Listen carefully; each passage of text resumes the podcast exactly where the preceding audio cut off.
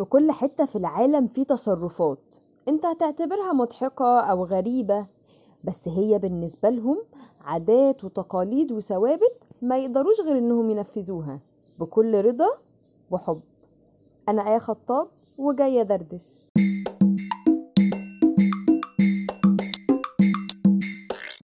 أكيد سمعت عن هدايا غريبة كتير ممكن تتقدم للعروسين ليلة فرحهم بس في ألمانيا الهدية مختلفة شوية. الأهل والصحاب بعد الفرح بيروحوا يكسروا للعرسان كل حاجة تنفع تتكسر في شقتهم. كوبايات بقى واطباق ومرايات وحتى البلاط. وعلى العروسين إنهم ينظفوا الحاجات دي كلها. زي ما تقول كده بداية لطيفة لحياتهم يعلموهم بيها إزاي يعتمدوا على نفسهم.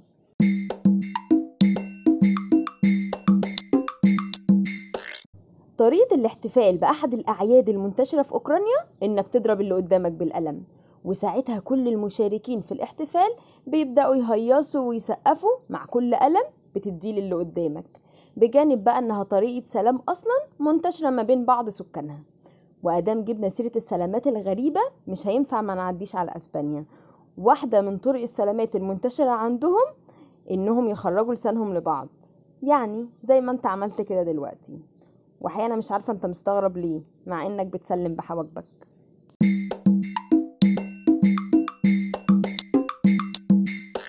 في بعض قبائل الهند الاحتفال بالزواج مختلف شوية.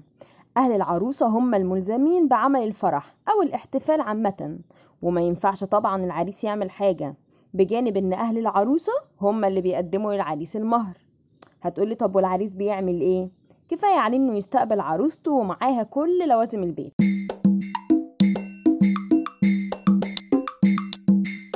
لو سافرتي فرنسا وجيتي تخرجي من مطعم أو كافيه ولقيتي إن في شخص قام يحط الجاكيت بتاعك على كتفك أو مشي قدامك عشان يفتح لك الباب ما تستغربيش. هو مش قصده يعكسك. ده جزء من الاتيكيت عندهم والعادات والتقاليد اللي بيعملوها كل يوم بدون ما حد من الطرفين يحس إن في حاجة غريبة بتحصل.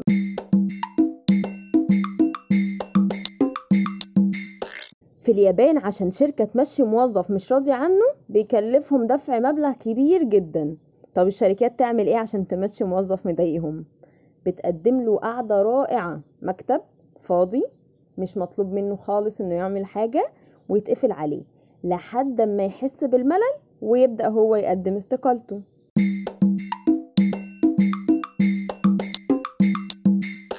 من أحد الطقوس الصينية اللطيفة جدا للاحتفال بالزواج إن العروسة بتبدأ قبل فرحها بشهر تعيط كل يوم لمدة ساعة. وبعد مرور عشر أيام بتبدأ مامتها تشاركها العياط. وفي آخر عشر أيام من الشهر بيشاركها الجدات والإخوات. وده طبعا دليل على الفرحة بدليل إن العياط بيتم على أنغام الموسيقى للاحتفال بحياة زوجية سعيدة. وبس كده.